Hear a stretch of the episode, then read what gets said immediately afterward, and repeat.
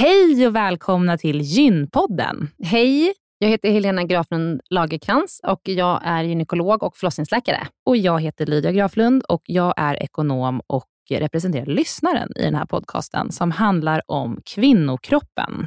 Det är vetenskaplig fakta om kvinnokroppen och det du hör i den här podden är det som man kan höra om man får träffa en läkare eller en barnmorska i ett eh, möte. Men ibland så bjuder vi in gäster som berättar om sina personliga erfarenheter och ibland är det också spekulation, men då är det verkligen tydligt att det är spekulation. Annars är grunden för den här podden vetenskaplig fakta om kvinnokroppen. Så är det. Hoppas att ni vill lyssna. Välkomna. Välkomna.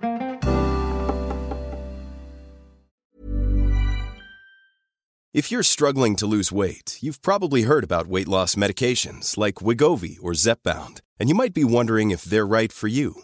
Meet PlushCare, a leading telehealth provider with doctors who are there for you day and night to partner with you in your weight loss journey. If you qualify, they can safely prescribe you medication from the comfort of your own home.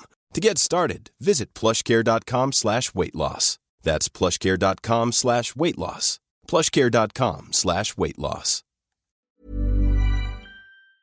Den här veckans avsnitt av Gynpodden är sponsrad av Ester Care. Och Helena, det är ju det bolaget, vårdbolaget, som du och jag har varit med och startat, där vi erbjuder digitala vårdmöten med specialister inom kvinnovård. Precis. Och vi vet att det är väldigt mycket vårdpersonal som lyssnar på Gynpodden, vilket vi är jätteglada för. Och vi behöver alltid fler gynekologer till STKR. Så därför vill vi nu göra en shout-out till alla er som lyssnar där ute som vill vara med och förändra svensk kvinnovård.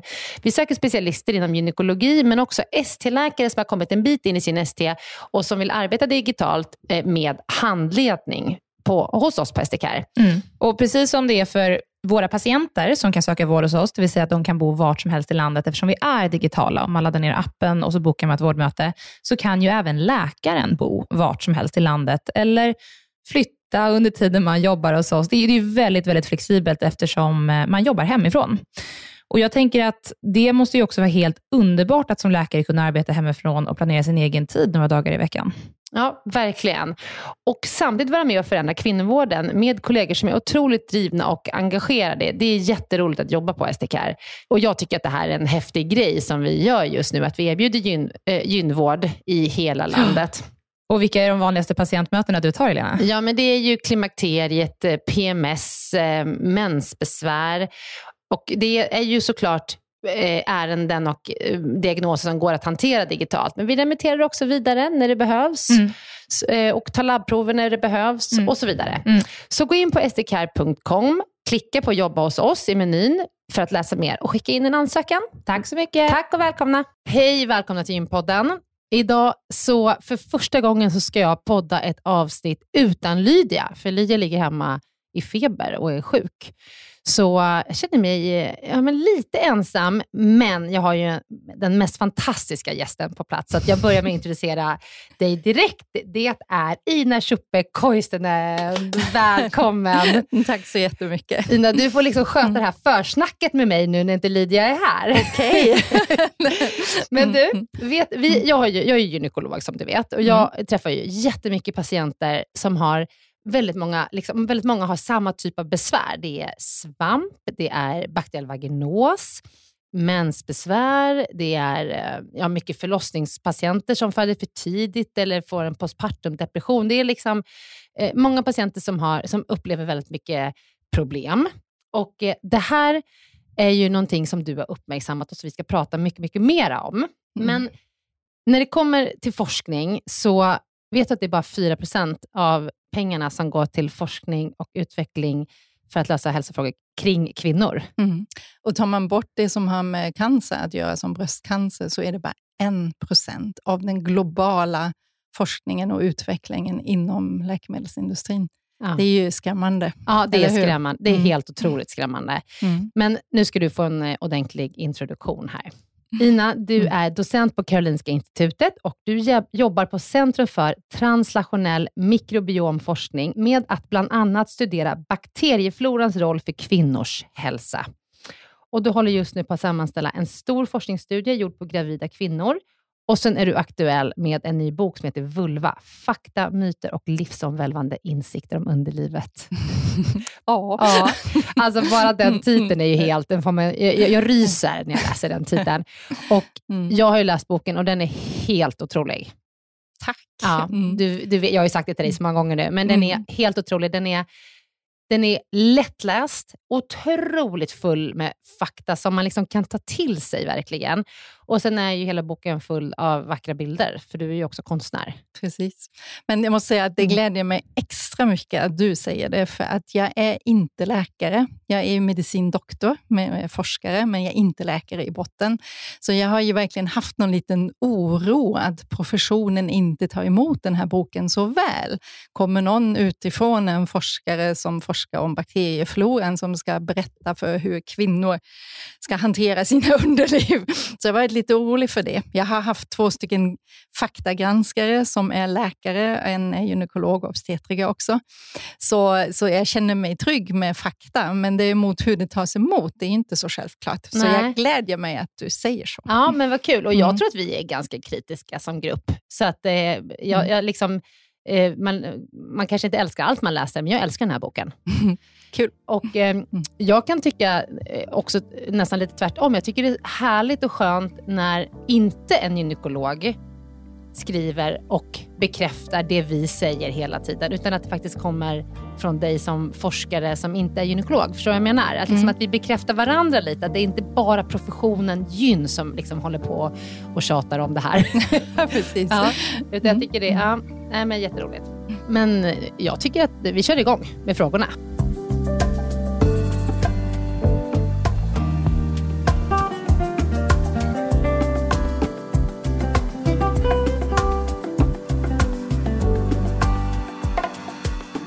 Du skriver i din bok att forskningen om kvinnors hälsa är eftersatt. Kan du berätta mer vad du tänker om det? Ja, alltså det är ju att vi har generellt inom forskningen av tradition, tror jag, har ju, alltså forskning har utförts av män och för män. Och det räcker ju att titta in i vetenskapliga illustrationer eller sånt, läroböcker. Det är ju den manliga kroppen som är normen. Och, eh, det, det, så det är så i undervisningen även idag. Och det är ju ett fel. Och delvis beror det ju på att det är lite enklare med män, eh, för kvinnliga kroppar är svårare att studera. Det finns de här cykliska hormonförändringar som man måste ta hänsyn till.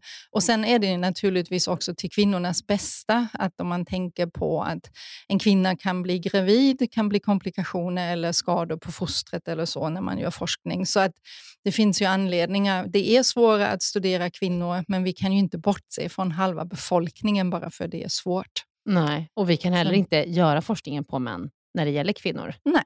Mm. Så att eh, det, vi måste ju forska på kvinnor. Ja, absolut. Mm. Och det är ibland väldigt, väldigt eh, skrämmande när vi tänker på att år 2022, att vi vet faktiskt inte de molekylära mekanismerna hur en förlossning sätter igång. Det är ju en av de mest basala Mm. biologiska processer som är grundläggande för artens Mm. fortplantning. Vi vet inte det idag. Nej. Men det, Men- det har inte prioriterats. Nej. De som delar ut forskningsmedel har traditionellt varit män. Och det är inte lika sexigt att försöka undersöka saker som är normala, som kanske inte är livshotande sjukdomar. Och då, då, då är det inte lika lätt att få finansiering för forskningen. Enkelt. Men det, det, Mm. just, det slår mig när jag läser din bok, för där liksom, du, du tar ju liksom, om man säger så här, kapitel för kapitel, eh, PMS, endometrios och så. Och, och det Mm. slår mig att väldigt mycket är det så här, vi vet inte den exakta bakgrunden. Så är Mm. det. Så är det. Mm, så Mm. är det. Det ska bli spännande. Vi ska prata mer om din forskning snart. Mm. Ett citat från boken, Nina. Det är under tiden som vården förlorar kvinnors förtroende så växer en hel industri av underlivs och hormonexperter fram som säljer alternativa metoder. Vad tänker du kring det? Det är mycket som handlar om det här att man ska leva naturligt och så. Ja. Alltså det är ju en... det är ju ett problem med tanke på att många kvinnor har den här strävan efter att leva naturligt. Men ibland är ju en behandling nödvändigt. Mm. Och eh, Speciellt när det gäller då hormoner. Det ena är ju preventivmedel. Det finns ju alternativ till hormoner, men det är ju ändå ett enkelt och bra sätt mm. att, att eh, slippa gravid oönskade graviditeter. Men det är också många sjukdomar där man behöver hormonbehandling för att eh, liksom inte minska sin fertilitet och slippa lida och så vidare. Mm. Men jag håller helt med dig, för det är otroligt många mm. som, eh, eh, liksom, på mycket på liksom, sociala medier, och, eller mm. media överlag, som att man ska leva naturligt. Och Då menar man att man inte ska ha, alltså egentligen så menar man typ att man inte ska ha hormonella preventivmedel. Ja. Eh, det handlar ju otroligt mycket om den ja. diskussionen. Ja. Men det lägger ju också ett enormt ansvar på kvinnorna och jag kan tycka att när man är väldigt ung och kanske har väldigt många förändringar i sitt liv, sin första sexuella kontakt och liksom är i skolan och håller på att bli vuxen. Det är så mycket annat att tänka på och då lägga på det här att du ska ha järnkoll på din menscykel, du ska inte äta hormoner för det är dåligt för dig och samtidigt ska du inte bli gravid. Alltså det är enorma eh, alltså det är en påfrestning på många. Och det är ganska osäkert dessutom. Den här temper temperaturförändringen mm. ja. under menscykeln den är ju mindre än en grad i mm. kroppstemperatur. Mm. Men plus att, det, att väldigt många har ju svårt att ha den kontrollen. Ja. Men, mm. och Sen tycker jag att man glömmer i debatten att hormonella preventivmedel är ju inte alltid bara en preventivmedel för att inte bli gravid, utan det är ju också en behandling mot mens, alltså riklig mens. 15 procent av alla tjejer och kvinnor är hemma från jobbet och skolan på grund av mensbesvär. Ont mm. vid mens och blöder mycket. Det, det tycker man är okej, eller? Jag vet inte. Varför ska, mm. varför ska kvinnor utsättas för det? Och Det andra är ju mm. PMS, jättestort besvär. För att inte tala om endometrios. Varför ska vi liksom driva kvinnor till att leva naturligt och in, vi måste diskutera de aspekterna mycket mer då. Att det, det är jättemånga kvinnor som kommer lida då. Ja. Och Samtidigt ska man också komma ihåg att många av de här influencers de har ju faktiskt ett kommersiellt intresse när de eh, berättar om det naturliga livet. Att Det kan vara kosttillskott, det kan vara dietprogram, det kan vara speciella appar till att eh, undvika graviditet eller vad det nu kan vara. Så det, det, kan finns... också vara gå kurser, ja, gå kurser eh, hur man lever ja, naturligt. Ja, absolut. Mm. Och så, nej, mm. men jag håller med. Och jag, Den här frågan pratar vi jättemycket om här i gympodden, att man ska välja att leva som man vill, men man ska veta fördelarna och nackdelarna med saker ja, och ting och inte mm. bara ta till sig av skrämselpropaganda, för det är mycket skrämselpropaganda som gör mm. att vi till exempel slutar med p-piller. Ja. Eller mm. tar ut en hormonspiral i panik eller sådär, för att ja. tänka, gud, ska jag bli infertil nu när jag haft den här så länge och så vidare. Men är det naturligt att blöda varje månad? Det är något som du tar upp också. ja, det är också en jätteintressant fråga. Mm. För är det verkligen eh, naturligt? Om vi bara tittar tillbaka hundra år i tiden, då var ju kvinnor eh, gravida väldigt, väldigt många gånger och de eh, ammade under långa perioder så att vi är in, kanske inte ens skapta för att blöda under 40 fertila år. Utan förut var det ju färre år, för att graviditet och amning stoppade ju blödningen naturligt. Mm. Så det, det, är en jätteintressant fråga och eh, det, det, finns ju inget medicinskt som säger att man man mår sämre om man inte blöder. Nej, tvärtom. Mm. Vanligaste mm. anledningen till att man, att man har blodbrist, om man går till vårdcentralen och har blodbrist, det är ju oftast att man har riklig mens. Hos kvinnor i mm. fertil ålder så är det den vanligaste orsaken, så det är ju inte alltid jättenyttigt Nej. att blöda mm. så mycket. Men tycker du att det är mycket liksom, de vindarna också i samhället? Att man, att man ska ha mens varje månad? Har du, är det något som du upplever och har märkt av? Eller? Det tror jag nog. Den här generella inte-hormoner, lev väldigt naturligt, lär känna din mens, lär känna din kropp. Det är lite eh, nästan krav som ställs på unga kvinnor idag. Mm. Då en litet, en litet fakta från boken här, att under en fertil livstid så blöder en kvinna sammanlagt sex år. Det är rätt lång tid. Det är rätt lång tid. Mm. Och sen Ett problem med det här med järnbrist är ju också att man det, det, går ju inte snabbt och man vänjer sig. Man, man, man kan faktiskt leva och må ganska dåligt utan att man själv uppfattar det. Den mm. här liksom smygande tröttheten, hjärntröttheten, svårt att minnas saker och må allmänt dåligt. Det, tar ju, det, det går ju inte från en dag till nästa. Nej. Och Man vänjer sig och det kan, kan vara väldigt svårt att, koppla till järnbrist faktiskt. Mm.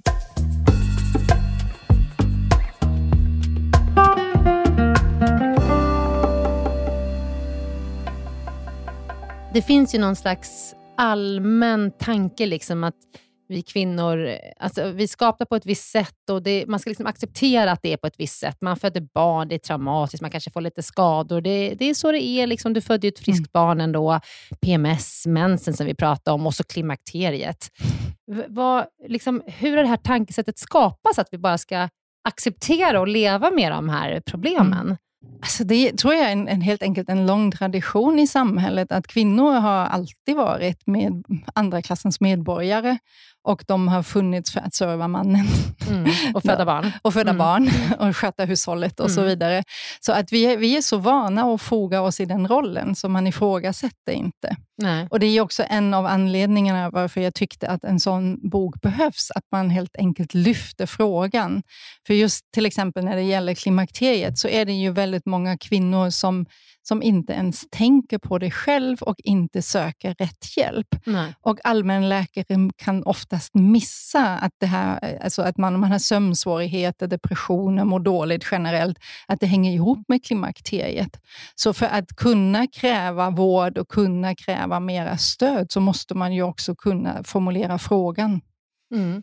Men mm. vad, vad, kan vi göra mer för att ändra på det här? Då?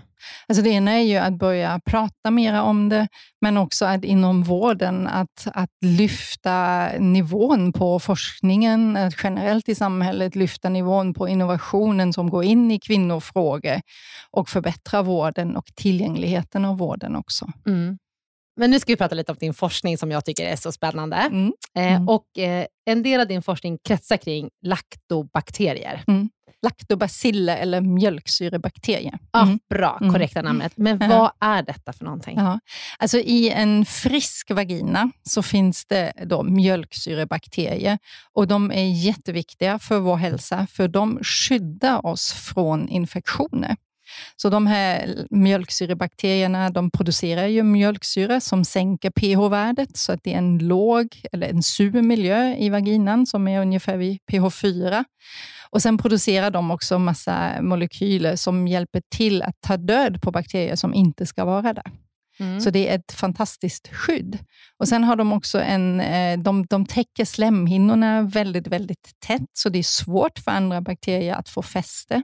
Och De har också en effekt på immunsystemet, så att eh, de ja, immunsystemet lugnas så att säga, av att laktobacillerna finns där och känner igen de bakterier som inte ska vara där.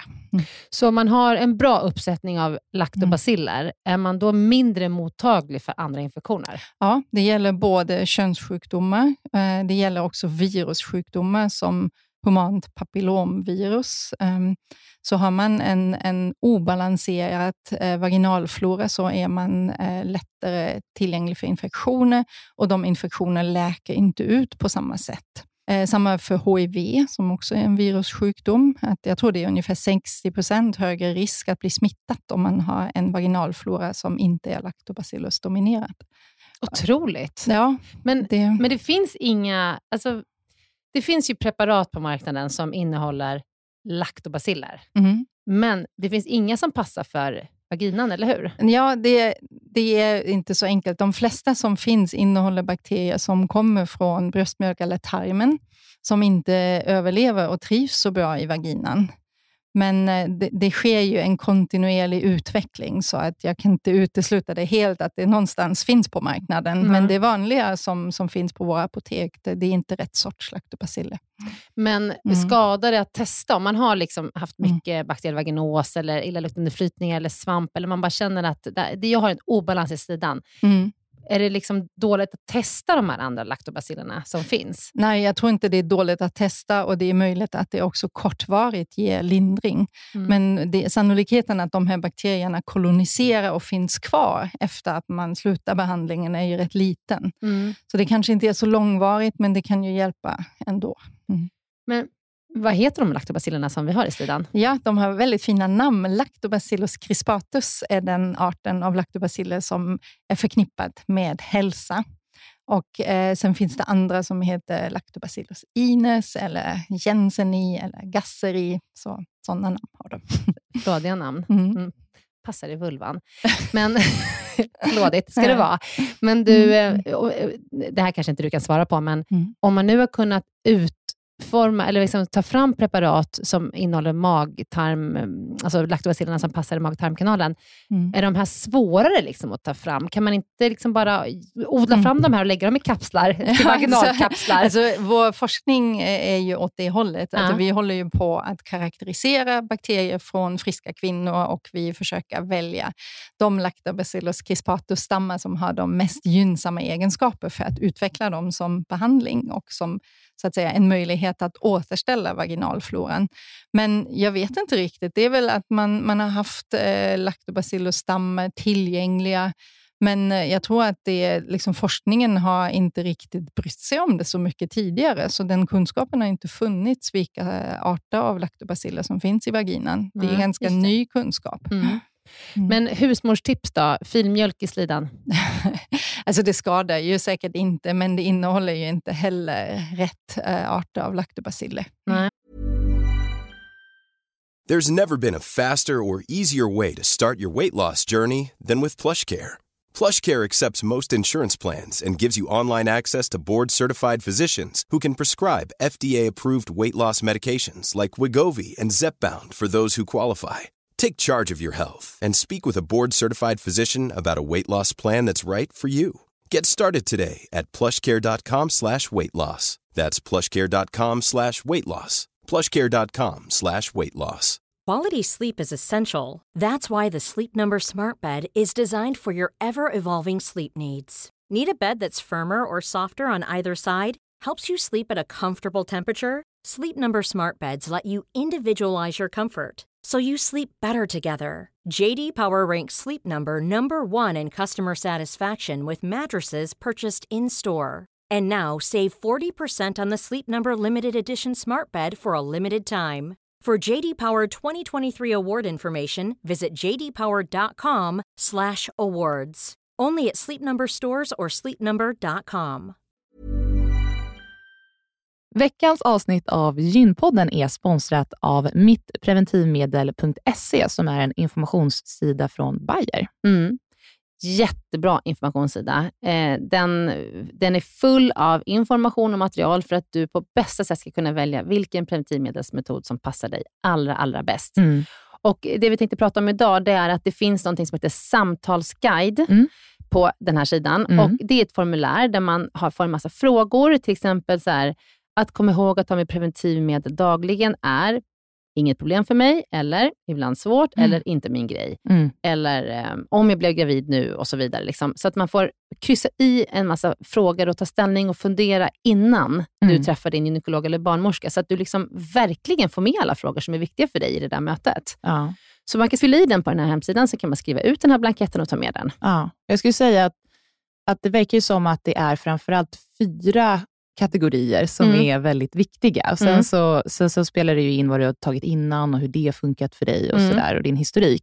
Men det verkar ju som att det handlar mycket om hur liksom ordningsam man är, eller hur strukturerad man är, att kunna ta någonting dagligen. Mm. Eh, hur viktigt det är att man inte blir gravid. Mm. Eh, användning av hormonella preventivmedel eh, och om man vill påverka sin menstruation på något sätt. Mm. Så det verkar som att det är de fyra kategorierna som man, man bör fundera på innan mm. man väljer ett preventivmedel. Man får bra guidning i hur man ska svara på de här, eh, med olika kategorier, olika svar.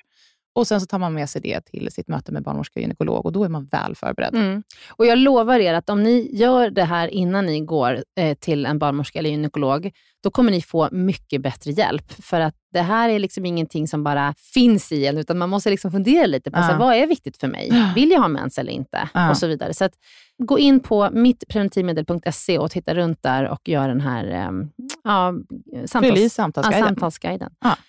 Tack Bayer för att ni har utvecklat denna braiga sida om ja, preventivmedel. Den är otroligt bra. Mm. Tack så jättemycket. Tack.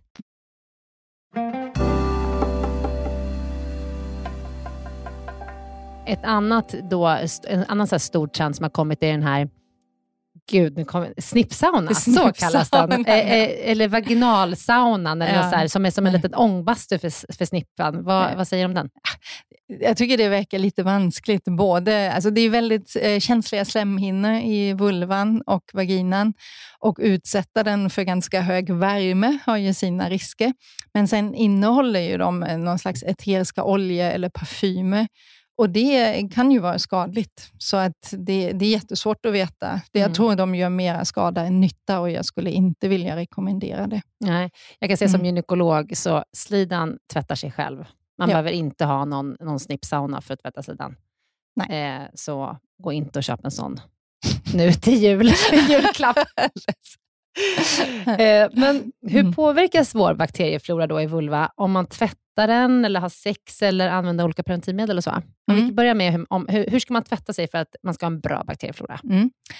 Man ska ju vara försiktig med tvål och parfym, så att eh, undvik det helt generellt. Så att, som du säger, att slidan eller vaginan, den har ju sin flytning och den rensar sig själv. Och de yttre delarna, de kan man ju tvätta med ljummet vatten och man kan använda neutrala vegetabiliska oljor om man känner att man behöver återfukta huden. Så undvik tvål, det är Mm. jätteviktigt. Och undvik övertvätt också. Vi Ja, säga- undvik övertvätt, Mm. för att eh, de här bakterierna som finns på slemhinnorna, de kan man ju skölja bort. Och Då leder det ju till att man får lättare infektion, man kan få sprickor i den här känsliga huden som då lättare infekteras. Mm. Så eh, tvätta sig en gång om dagen tror jag är ganska lagom. Använd ljummet vatten, inga parfymer. Och Sen är det lite andra allmänna råd, att man kanske ska undvika supertajta kläder och eh, sådana saker. Mm. Men och sex då? Hur påverkar det? Ja, det gör ju det helt klart. Alltså, tjejer som aldrig haft sex har ju inte bakteriell vaginos. Och när man tänker på sex, det är ju att mannen har ju också en mikroflora. Och den överförs ju till kvinnan. Dessutom, om man tänker på själva ejakulatet, den är ju basisk. Den är Alltså inte, spermierna. Alltså spermierna, Mm. eller sädesvätskan, Sädesvätskan, kanske man ska mm. säga. Mm.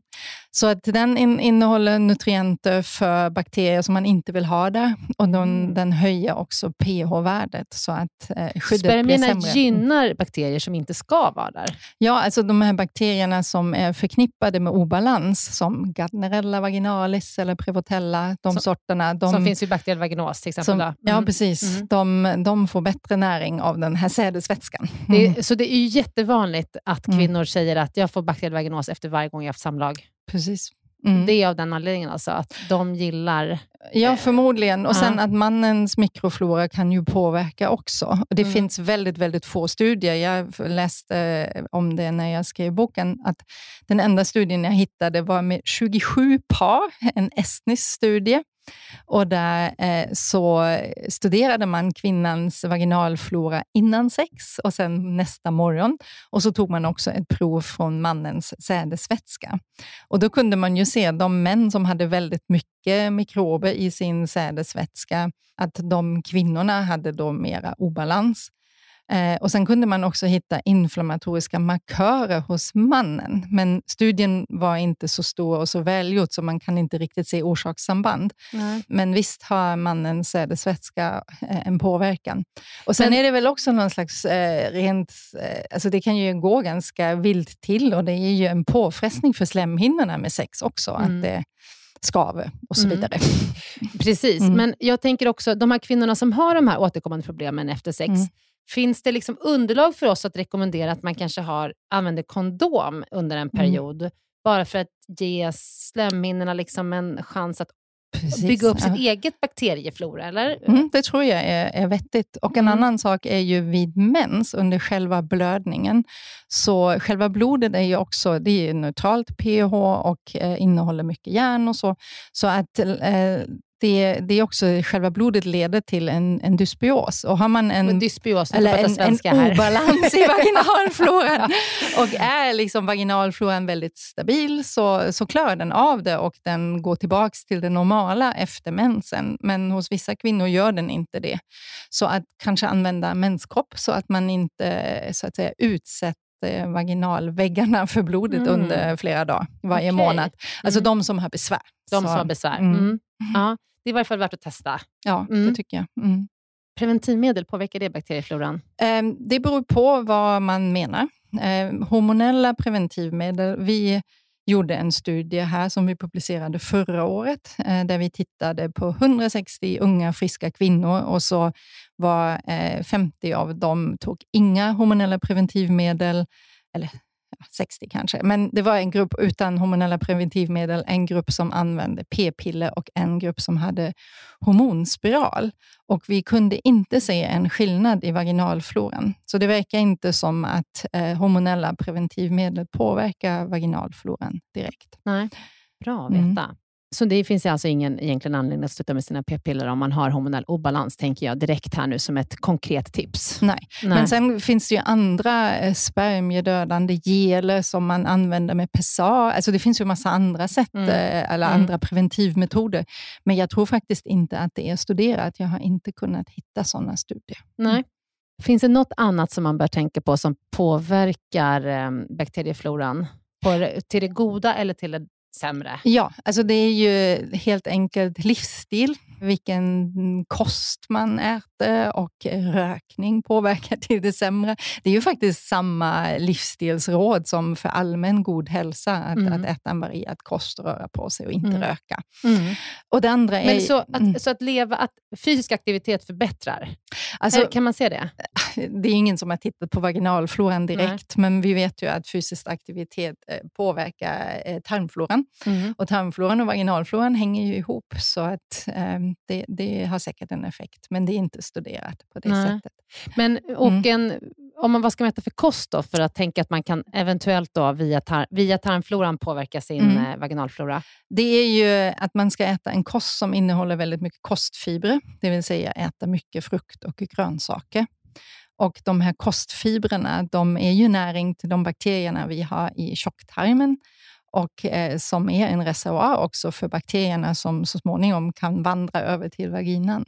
Mm. Så mycket kostfibrer och sen fermenterade livsmedel. Och eh, Människan har ju under alla århundraden fermenterad mat för att kunna eh, förvara det när det inte fanns kylskåp och en livsmedelsindustri med massa tillsatser. Så, och de livsmedel som eh, yoghurt, och kefir, och kombucha, och surkål och så vidare, de innehåller kimchi också, mm, mm, mm. godast. Mm. Ja, de, de innehåller väldigt mycket olika eh, sorter av laktobaciller, så det är ju, det är ju bra att äta regelbundet. Mm. Sen en sak som, som jag ville nämna är också att, eh, att vara så försiktigt som möjligt med bakteriedödande medel och antibiotika. För även om man tar en antibiotikakur för en infektion som är i en helt annan kroppsdel, så kan man faktiskt eh, slå ut vaginalfloran och konsekvensen blir ju ofta svampinfektioner. Mm. Mm. Ja, så vanligt att man får en svampinfektion efter att man haft en annan infektion, ja. efter man slår ut bakterierna. Precis. Mm.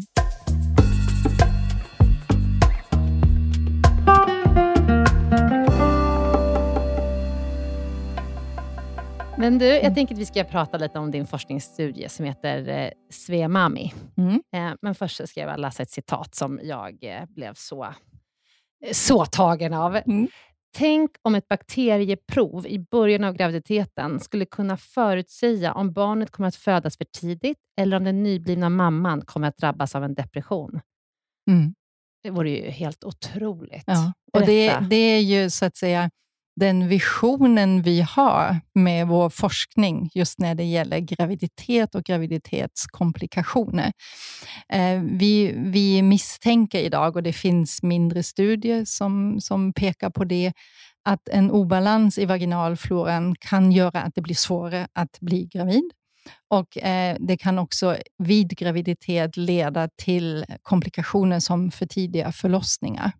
Så vår, med vår stora Svemami-studie, då har vi samlat eh, prover från munnen, tarmen och vaginan från ungefär 4 till 5 000 kvinnor i Sverige. Och Vi har samlat då tidig i graviditet, lite senare i graviditeten och efter förlossningen för att just titta på de här sambanden med, med, vaginal, eller med mikrofloran och eh, graviditetskomplikationer.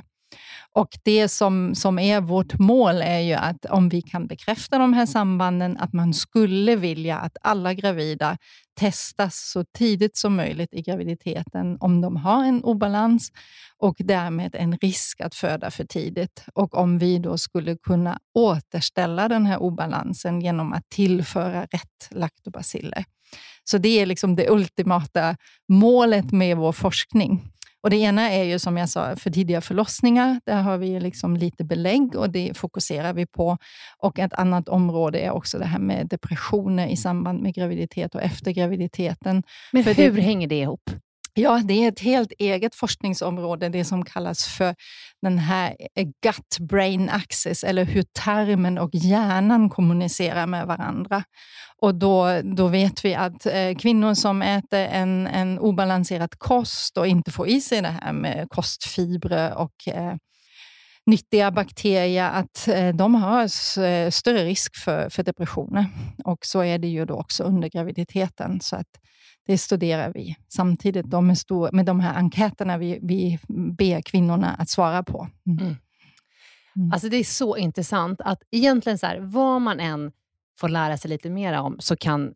Alltså vem kan tro att laktobaciller ska typ vara lösningen på så många problem. Ja, det, alltså, det är helt otroligt. Det låter nästan lite för enkelt ja, det låter lite för enkelt. Ja. Men den här Svema, mm. Svemami-studien, mm. den startade ni för några år sedan och ni har samlat in alla proven, eller hur? Så, ja. de är färdiga, mm. så nu ska ni analysera och, Precis. och när ja. publicerar ni resultaten? Alltså, vi har nu publicerat en så kallad kohortbeskrivning där vi beskriver hur vi har designat studien och sen har vi jämfört de kvinnorna som ingår i vår studie med alla gravida i Sverige under samma tidsperiod, bara för att förstå om de kvinnor som är med, om de är liksom relevanta för de kvinnliga gravida i Sverige. Mm. Och Då ser vi ju att kvinnorna som är med i Svemami, de har lite högre utbildning. Det är fler av dem som är födda i Sverige. Eh, men ändå, det, det, är väldigt representativt för gravida i Sverige. Så det är ju första steget och mm. det publicerade vi eh, i år. Mm. Och nu har vi då eh, analyserat proverna från vaginan och från tarmen.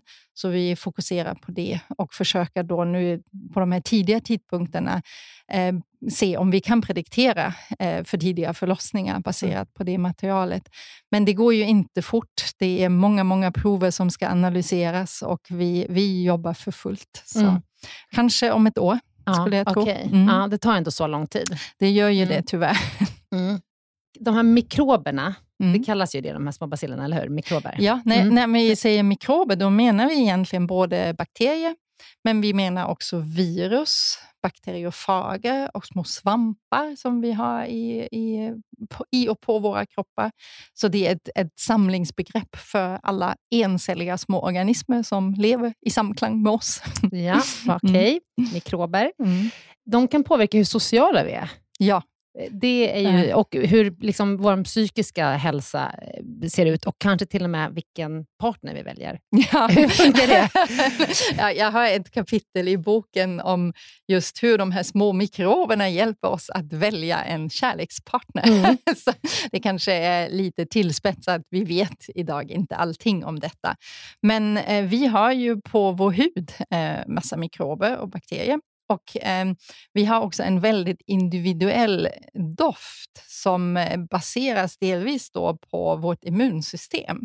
Och eh, Det finns de här eh, hypoteser om att vi väljer en partner som är så olik i sitt immunsystem som möjligt från oss själva, för att man helt enkelt ska sprida den genetiska mångfalden i, i mänskliga arvsmassan med sina avkommor. Mm. så, och bakterierna hjälper till. Alltså när, när vi svettas, och bakterier lever ju på de här avdödade hudceller som hela tiden eh, som vi tappar, och lite på svett och sånt. Och och man har en väldigt individuell kroppsdoft. Så man kan lukta till sig en bra partner. Så man ska inte tvätta sig för mycket. Nej. Och så. Alltså det är så intressant. Jag tänker på, mm. Ibland tänker man på att man träffar någon som man tänker så här, hmm, den lukten tyckte jag inte om. Och nu pratar jag inte parfym. Mm. Utan nu liksom, och jag tycker min man luktar jättegott. Nästan jämt. Det var ju tur det. men det är väl därför jag har valt honom kanske. Ja, alltså, kan det vara. kanske är det så. Ja, ja. Det är otroligt intressant. Mm. Men, men vad menar du med att det påverkar hur sociala vi är? Då? Ja, det, det, det finns eh, jätteintressanta studier. Eh, när man till exempel Eh, det finns en, en, forskargrupp här på, på KI som, som jobbar då också med den här gut-brain axis. Och då, om man injicerar eh, såna cell eller bakteriecellvägg eh, till människor, då kan man alltså inducera ett sjukdomsbeteende. Alltså bakterier kommer då in i blodomloppet och då, då blir det som influensasymptom. Man drar sig undan, man vill vila, man blir jätteosocial. Så att det är ju också en, alltså det finns en koppling mellan bakterier och våra beteenden. Och det är ju ett sätt och, eh, kanske att, att människor som, som är smittsamma, att de drar sig undan. Mm, just det. Så. Men så, så det, det påverkar mm. inte vår personlighet, utan mera liksom vår dagliga sociala aktivitet, eller? det, det, är jättesvårt att svara på. Men... jag tror att du sitter inne för alla svar här, Ina. Nej, det kanske jag inte gör. Men jag tror också att eh, det gäller ju liksom tvärtom. Att de bakterier vi har i våra kroppar, i deras intresse ligger det ju att spridas så brett som möjligt hos så många individer som möjligt. Mm. Så att vissa av våra beteenden är styrda av bakterier. Mm. Eh, och vi vet inte riktigt hur det här går till och vilka signaler och så.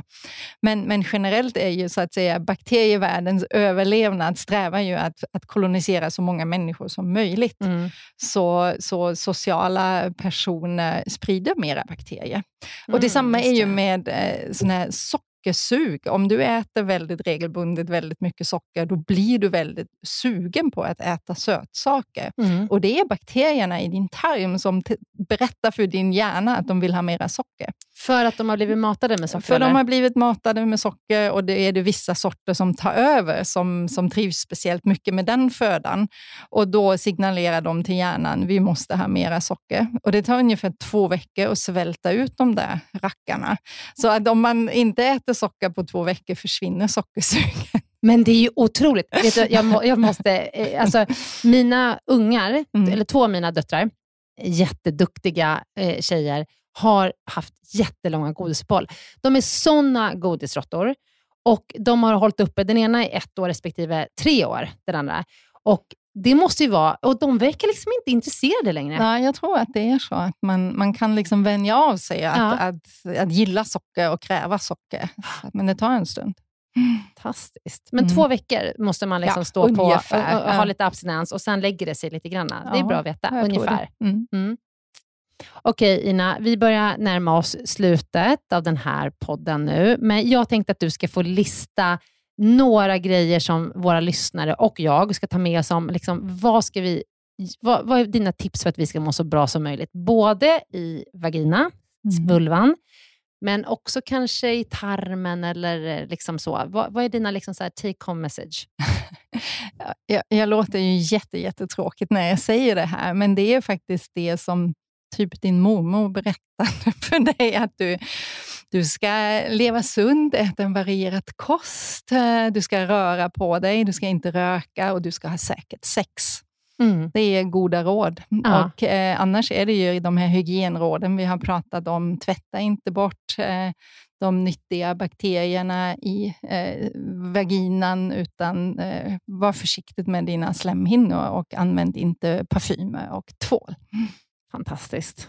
Det är så, så enkelt, ja, eller hur? Det är så enkelt. Liksom, det är ju så här, egentligen mm. vet man ju det här, men mm. man behöver liksom få höra det igen. Och man behöver få höra det från en forskare.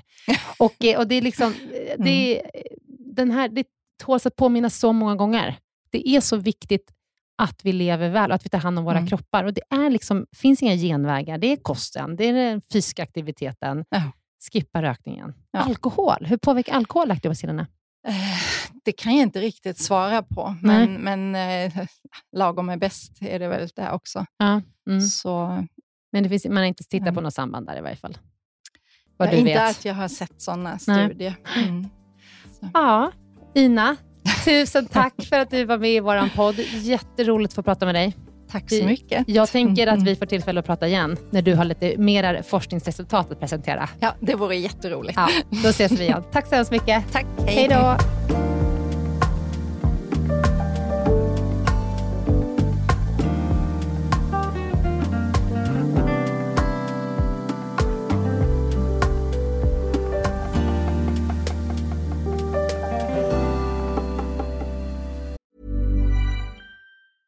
A lot can happen in three years, like a chatbot may be your new best friend. But what won't change? Needing health insurance. United Healthcare Tri Term Medical Plans, underwritten by Golden Rule Insurance Company, offer flexible, budget friendly coverage that lasts nearly three years in some states. Learn more at uh1.com.